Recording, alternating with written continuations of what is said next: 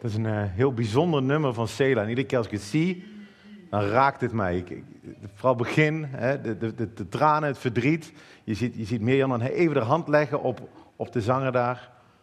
Het raakt mij. En dan net een paar weken later overlijdt King Aban, die hier dus niet meer mee kon zingen. En dan staan ze daar voor een publiek van honderden, misschien wel duizenden mensen te zingen over God die er altijd is. Zelfs in die moeilijke situatie.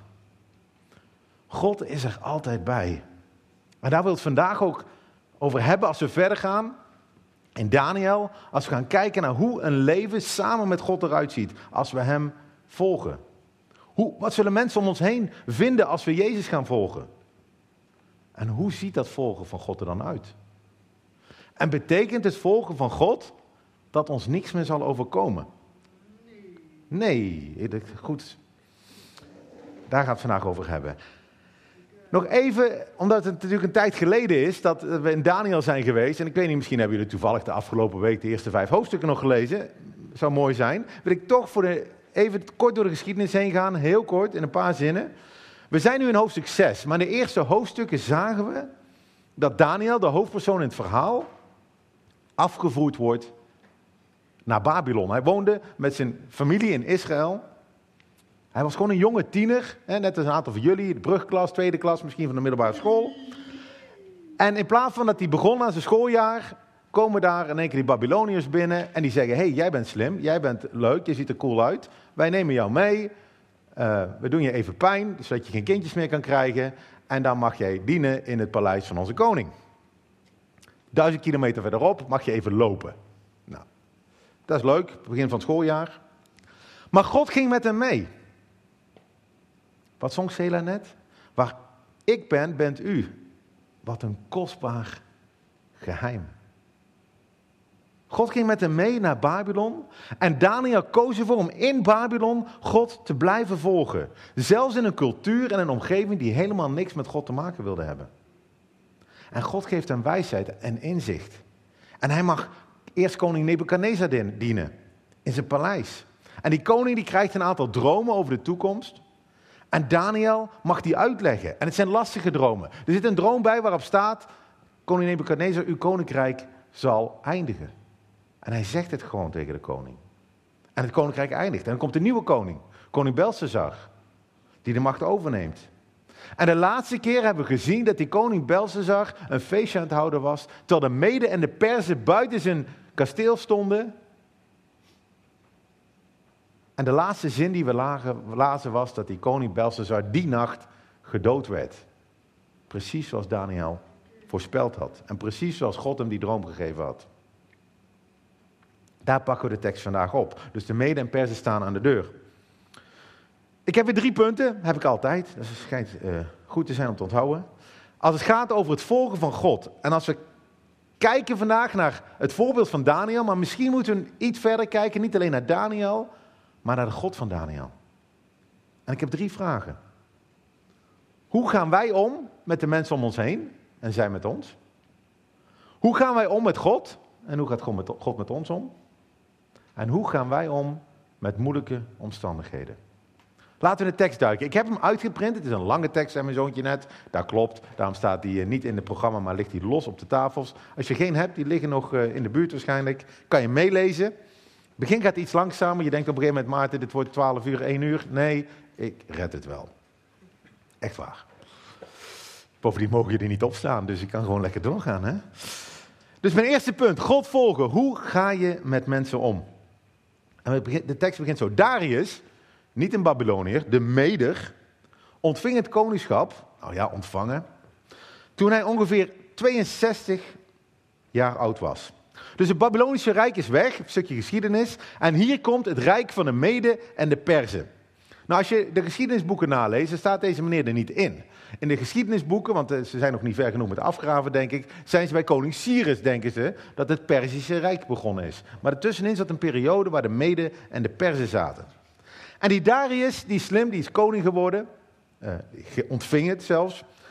En hij wil graag regeren over een groot rijk. Dus hij moet zijn projectmanagementorganisatie gaan uitzetten. En dat doet hij dan ook. Het behaagde Darius om over het koninkrijk 120 stadhouders aan te stellen. 120 stadhouders die verschillende steden regeerden, die over het hele koninkrijk verdeeld zouden zijn. En over die 120 man nog drie rijksbestuurders, van wie Daniel er één was.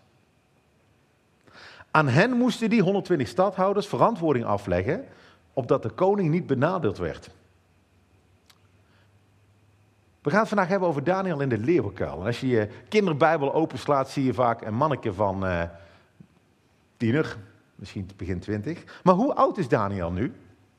Na al die koningen? Wat denken jullie? Ongeveer? 60? Het is meer. 16? Nee, veel meer. 80, heel goed. Hij is tussen de 80 en 85. Ongeveer, als je het uit gaat rekenen. En al die jaren, hij woont dus al ongeveer 70 jaar in Babylon, volgt hij God. En God is nog steeds bij hem. En we lezen nu dat de Heilige Geest in hem woont. Deze Daniel overtrof de rijksbestuurders en de stadhouders, omdat er een uitzonderlijke geest in hem was. En wij weten nou, dat is de Heilige Geest van God die in hem was. God was bij hem. En God, de koning overwoog hem over heel het koninkrijk aan te stellen. Hij kon minister-president worden.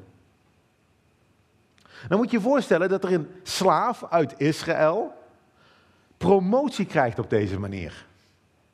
En jij niet. Terwijl jij ook braaf de koning gediend hebt. Hij wordt nu jouw baas. Hij wordt over je aangesteld. Hij wordt over iedereen aangesteld.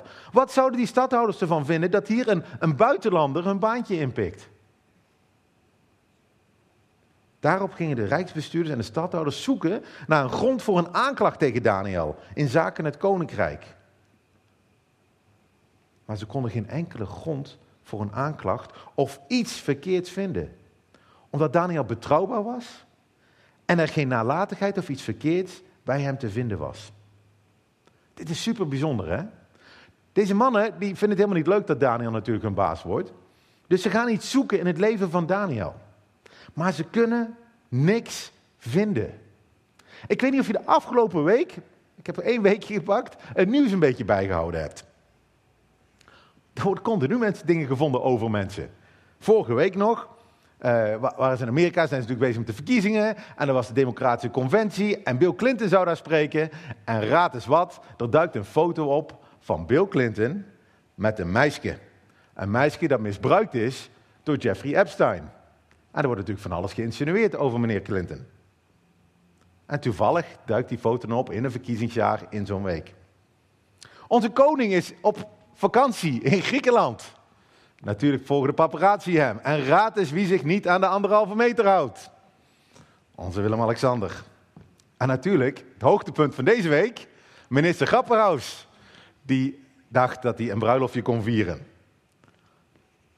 Toevallig wordt een foto gemaakt. Nee, ik denk dat dit uh, bewust is, want dit, ze staan allemaal heel netjes te poseren voor de foto. En toevallig zijn ze vergeten dat, uh, dat we een anderhalve meter samenleving hebben. Waarvan hij heeft gezegd als minister van Justitie, als je dit niet doet, krijg je een boete. En hij zegt nou sorry en hij maakt geld over en er zijn heel veel meningen over natuurlijk.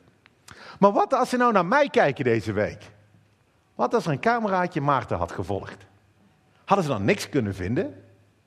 Ook niet toen ik door rood reed met mijn fiets, een paar keer. Er was toch niemand op de weg. Ook niet toen ik boos werd op de kinderen. Wat als ze naar jou kijken? Wat kunnen ze dan vinden? Bij Daniel vinden ze niets. Helemaal niets. Hoe we leven is zo belangrijk, hè? Als we ons werk doen, als we op school zijn, dan maakt uit hoe we ons leven leven. En de Bijbel roept ons op om te schijnen als sterren. Paulus, een van de eerste kerkplanters uh, die kerken in Europa heeft neergezet, die, die, zei dit. Doe alle dingen zonder morren en meningsverschillen, opdat u een onberispelijk en oprecht zult zijn. Kinderen van God. Smetteloos te midden van een verkeerd en ontaard geslacht, waaronder u schijnt als lichten in de wereld. Als kleine lampjes, weet je wel, bij een, bij een concert in het donker, dat je schijnt als een klein lampje. Als sterren in de hemel. En misschien maar dat wist Paulus natuurlijk niet. Als natuurkundige, denk ik, was het misschien een beter beeld geweest als hij de maan had gepakt. Want die reflecteert het licht van God. En dat is de bedoeling, dat we Gods licht laten schijnen om ons heen hier in Eindhoven. Er staat dat Daniel betrouwbaar was. Dat betekent dat je op hem kon bouwen, hem kon vertrouwen. Dat er geen nalatigheid bij hem te vinden was. Hij maakte zijn uurtjes, zelfs als de baas niet keek, zelfs in coronatijd. Hij sjoemelde niet met geld of met macht. Er was niks verkeerd bij hem te vinden. Hoe sta jij bekend? In je klas? Op je werk? In je buurt waar je woont? Niemand van ons is perfect, hè? Maar wat is onze instelling en, en hoe willen we graag God volgen overal waar we zijn? Hoe laten we mensen om ons heen ervaren dat we God volgen? Weet je, als we een reputatie hebben zoals Daniel het heeft, dan opent dat deuren voor gesprekken en mogelijkheden om over God te praten. Ik heb dat vorig jaar beleefd. Bij ASML doen we wel eens aan 360 graden feedback. En dan mag iedereen anoniem, maar dat is nooit anoniem, want de een schrijft in het Engels en de ander gebruikt die stopwoordjes. Dus je weet uiteindelijk wel wie wat opgeschreven heeft. Maar anoniem mag iedereen dan uh, wat feedback over je geven. En dan mogen mensen om je heen doen, dan mogen mensen in je project zitten, dan mogen ook de bobo's, de managers mogen dat opschrijven. En vaak gaat het over inhoud. Hè? Maarten deed dit goed of uh, dit had hij beter kunnen doen. Um, mijn moeder is altijd bang, omdat ik bij ASML niet iedereen naar de mond praat. Ik, ik, ik, als er dingen niet kloppen, dan zeg ik dat, dan benoem ik dat en dan vindt niet iedereen leuk. Um, en ik heb een mening, maar dat weten jullie allemaal wel. Um, maar vorig jaar kreeg ik in mijn 360 feedback één zinnetje. En dat had ik eigenlijk willen inlijsten en boven mijn bed willen hangen. Een van de managers schreef, Maarten doet wat hij zegt en hij zegt wat hij doet. En ik liet het aan mijn baas zien, want hij had het niet ingevuld. Ik zeg, als dit op mijn beoordeling zou staan, dan ben ik al helemaal blij. Je hoeft me geen geld erbij te geven, niks. Dit is wat ik wil zijn. Ik wil daarom bekend staan bij ASML. Dat ik de principes van God toepas op mijn werkplek. En dit geeft enorm veel ruimte op andere momenten om gesprekken aan te gaan. Om over die God te praten die ik volg. Er stonden ook heel veel andere dingen bij die ik nou niet laat zien. Maar dit was even een highlight voor mij vorig jaar. Dus schijn als een ster. Werk niet alleen voor je baas, maar werk vooral voor God. En hij is bij je en hij zal je zegenen op de plek waar je bent. En dat kan in je school zijn, in je klas, dat kan in de buurt zijn waar je woont, dat kan op je werk zijn. Daniel snapte dat, dus hij, hij lette heel erg op zijn wandelen. En dat valt op, dat valt op. En in dit geval van Daniel frustreerde dat die stadhouders nog meer, want ze konden niks vinden. Dus zeiden ze, wij zullen tegen Daniel geen enkele grond voor een aanklacht vinden. Tenzij, tenzij we iets tegen hem vinden in de wet van zijn God. Hoor je dat? Ze kunnen niks vinden, tenzij het gaat over de wet van de God die Daniel volgt. Want ze realiseren zich dat Daniel de wet van God hoger heeft dan de wet van het land. En als Daniel moet kiezen tussen de wet van het land of de wet van God, dan kiest hij voor de wet van God. De stadhouders denken slim te zijn. Door snel even een wetje te gaan maken dat keihard botst en waarvan ze weten dat Daniel zich er niet aan zal houden. Zo kwamen ze eensgezind bij de koning en zeiden tegen de koning: Koning Darius, leef in eeuwigheid. Dat vindt hij fijn om te horen. Al de rijksbestuurders, nou ja, op eentje na denk ik, van het koninkrijk, de machthebbers, de stadhouders, de raadslieden en de landvoogden, zijn er onderling beraad van mening dat er een koninklijk besluit moet worden opgesteld. Er moet een verbod worden bekrachtigd dat al wie binnen 30 dagen een verzoek zal richten aan welke god of mens ook, behalve aan u, o koning, even zijn ego strelen, in de leeuwenkuil zal worden geworpen. Nu dan, koning, stel het verbod op en onderteken het bevelschrift dat niet veranderd mag worden volgens de wetten van de Mede en Persen, die niet mag worden herroepen. Daarop ondertekenen de koning het bevelschrift en verbod. Ze spelen in op het ego van deze koning. Hè? Die voelt zich best wel uh, geflatteerd of gecharmeerd hierdoor. U bent zo geweldig, laten we een wetje maken dat iedereen u geweldig moet vinden. En als u, niet, als u op de tweede plaats staat, dan uh, gaat, gaan ze maar als voer in de leeuwenkuil, dat scheelt weer. En de koning had hier wel oren naar, die vond het wel mooi, had er alleen niet over nagedacht. Daar komen we zo meteen achter. Dus let, als mensen jouw ego komen strelen, dan willen ze iets van je. Let erop. Denk er even over na. Maar nu de vraag, wat zou jij doen? Hoe ga je nu met God om? Als er een wet komt in Nederland die zegt, je mag 30 dagen niet bidden. Je mag 30 dagen niet een kerk bezoeken. Stel dat die wet komt. Ik weet wat mijn eerste reactie was. En dat is niet de reactie die Daniel doet. Ik zou gaan twitteren. Ik zou meneer Segers van de ChristenUnie gaan aanschrijven. En, uh, en misschien nog wel meneer Van der Staaij van, van, van de SGP, want die zullen wel met mij eens zijn dat dit belachelijk is. Ik ga brieven schrijven naar de krant. Ik ga heel veel vrienden bellen om te zeggen hoe belachelijk dit allemaal is, dat deze wet komt. En misschien ga ik een dealtje sluiten met God, daar kom ik zo meteen op terug. Maar dat is niet wat Daniel doet. Daniel laat de betere weg zien. Toen hij te weten kwam dat dit bevelschrift ondertekend was, ging hij zijn huis binnen. Hij ging naar huis, hij ging niet naar Twitter, hij ging niet naar de krant. Nu had hij in zijn bovenvertrek, hij was een rijke man, hij is bijna de, de, de, de, hij is een minister daar in het koninkrijk, dus hij heeft een huis met zelfs twee verdiepingen. En bovenvertrek had hij open vensters richting Jeruzalem. En op drie tijdstippen per dag ging hij op zijn knieën. Bad hij en dankte hij voor het aangezicht van zijn God, precies zoals hij voorheen had gedaan. Hij gaat bidden. Daniel gaat praten met God. Hij gaat naar de enige toe die hem echt zijn problemen kan oplossen. En hij gaat er niet nu pas naartoe, na 70 jaar, omdat hij nu in de problemen zit. Nee, hij was gewend om drie keer per dag op zijn knieën te gaan. Dat is heel goed voor je ego. Zoals hij staat hier voordien had gedaan. Als 70 jaar ontmoet Daniel God in zijn bovenkamer daar. Praat hij met God. Bespreekt hij zijn problemen en zijn mooie dingen met God. Dankt hij God, staat hier. En vraagt hij God om hulp. Sela zong in tijden van vreugde. Maar ook van verdriet ben ik bij u veilig.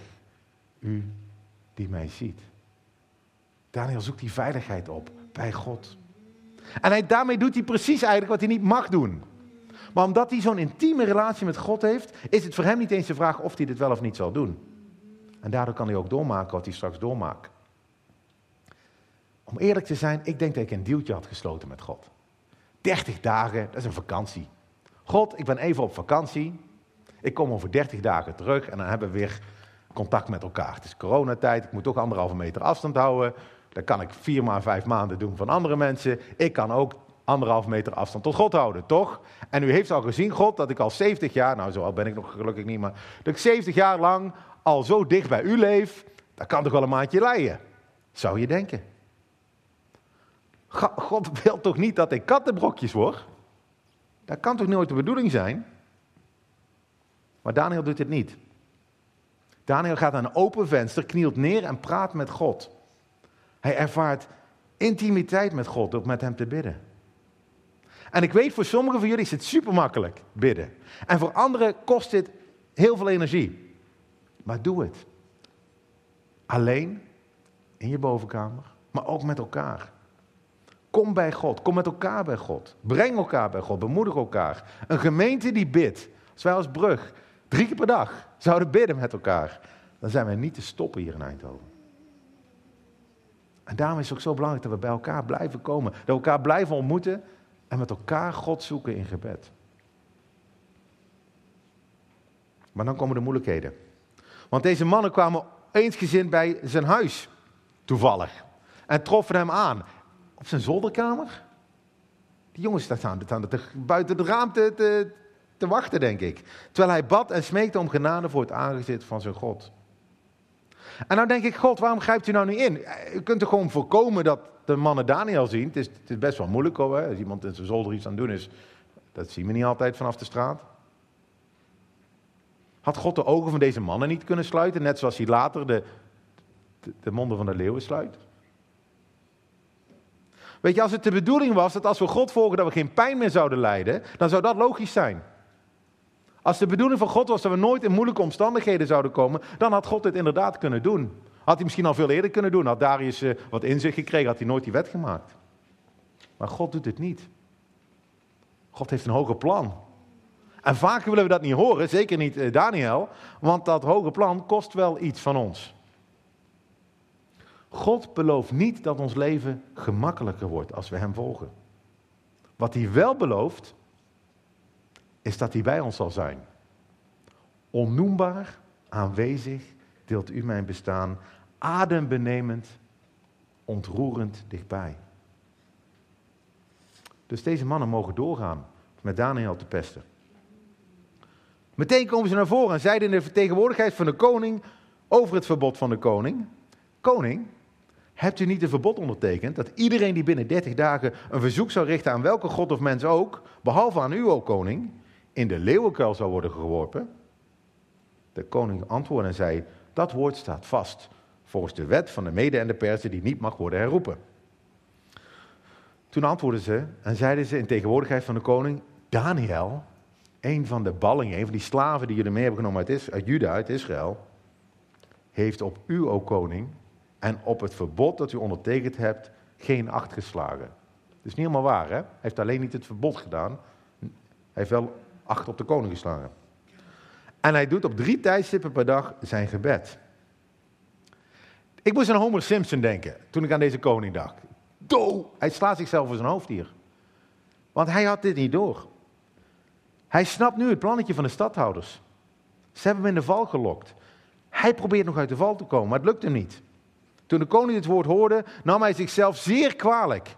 En hij zette zijn hart erop om Daniel te verlossen. Tot zonsondergang spande hij zich in om hem te redden. Maar het lukt hem niet, hij zit gevangen. Toen kwamen deze mannen weer, die gluipers, eensgezind bij de koning, zeiden tegen de koning: Weet u, o koning, dat een wet van Mede en Perzen is dat geen enkel verbod of besluit dat de koning heeft opgesteld veranderd mag worden?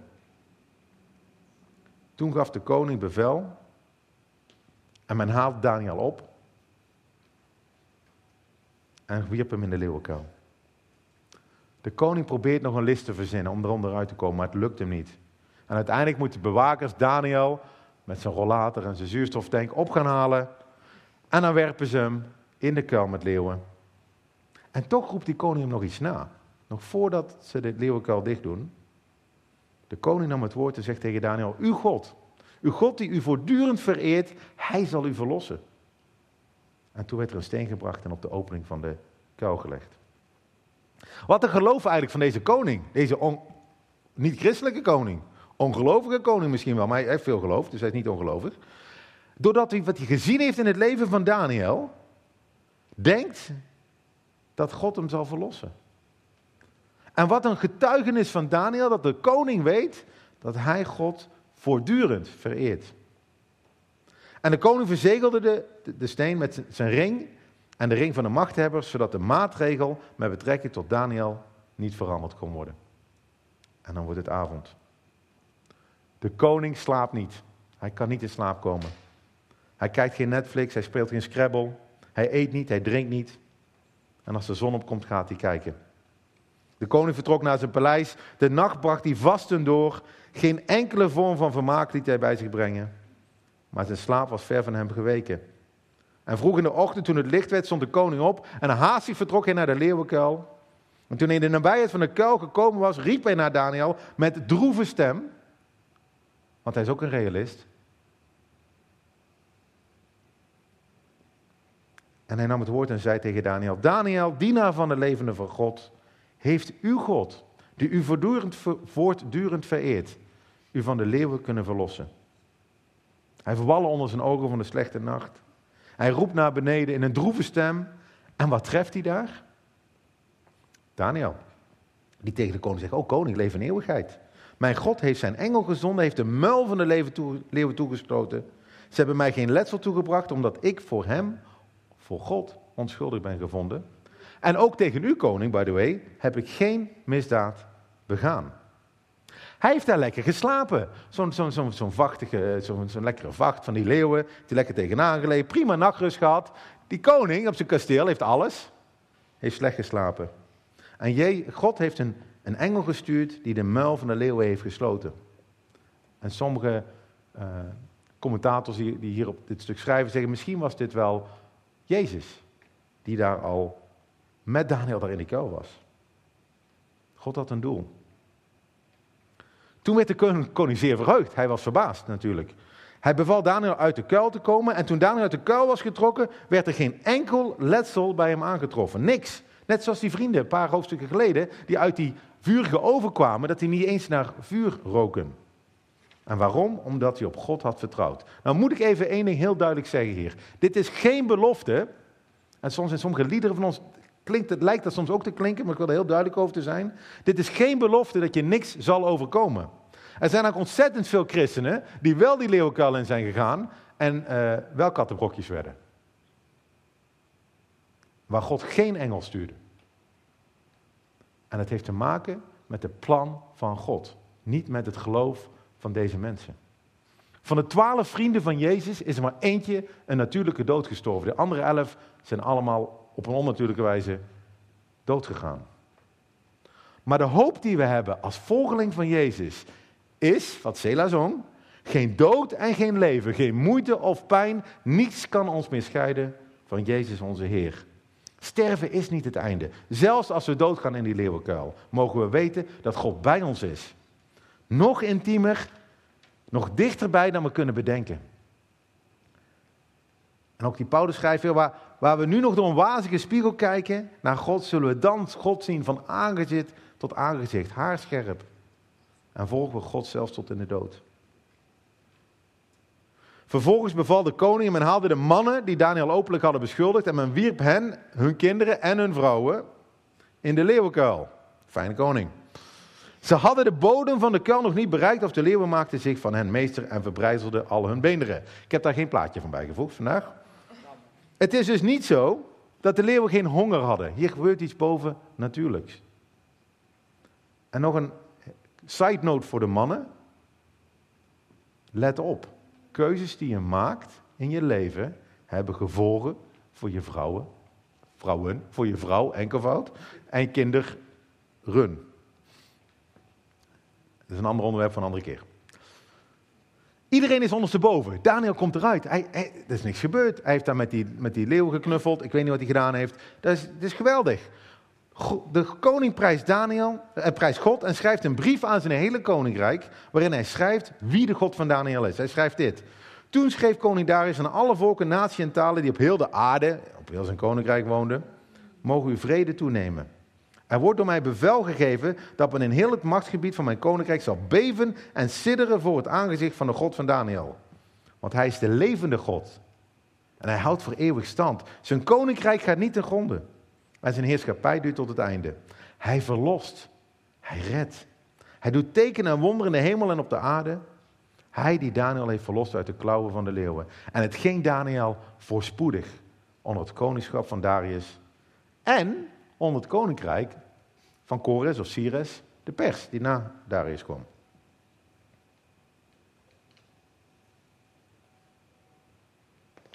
Dit boek is geschreven natuurlijk vele jaren voordat Jezus geboren is. Dit is 2.500 jaar geleden geschreven. De geboorte van Jezus is ongeveer 2000 jaar geleden. Maar kijk eens even naar de overeenkomst met mij. Daniel en Jezus zijn allebei onschuldig. Zowel Darius als Pilatus herkennen dat hij onschuldig is en proberen nog iets te doen om ze vrij te laten. Beiden werden na hun vermeende dood, in ieder geval, in het geval van Daniel, en na een werkelijke dood bij Jezus, werd hun graf afgedekt met een steen en verzegeld. En iedereen dacht dat dit het laatste woord zou zijn. Maar beide staan op uit hun graf. Daniel, doordat hij God gewoon voorkwam dat de leeuwen hem zouden opeten. Maar Jezus, omdat hij de dood overwonnen heeft. En daarom kunnen we met elkaar dat liedje zingen. We mogen niet zingen. Luisteren. Een liedje luisteren met elkaar. De toekomst is zeker. Eindeloos goed.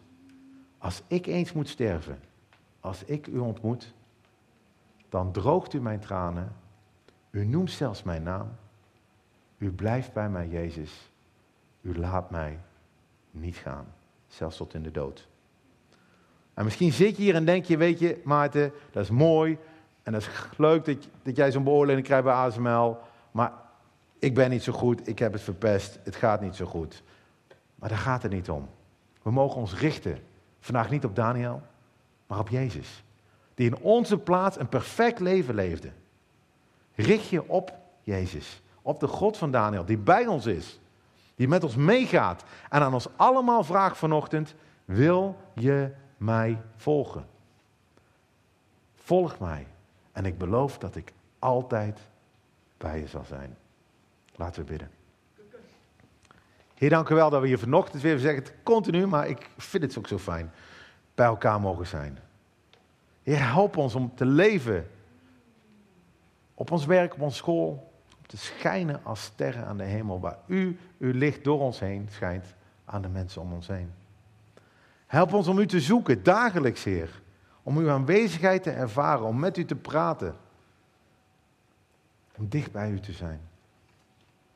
En Heer, help ons ook om in de moeilijke momenten die komen zullen, die zullen komen, Heer, naar u te gaan. En van u te verwachten dat u een oplossing biedt en een uitkomst biedt. Heer, geef ons passie.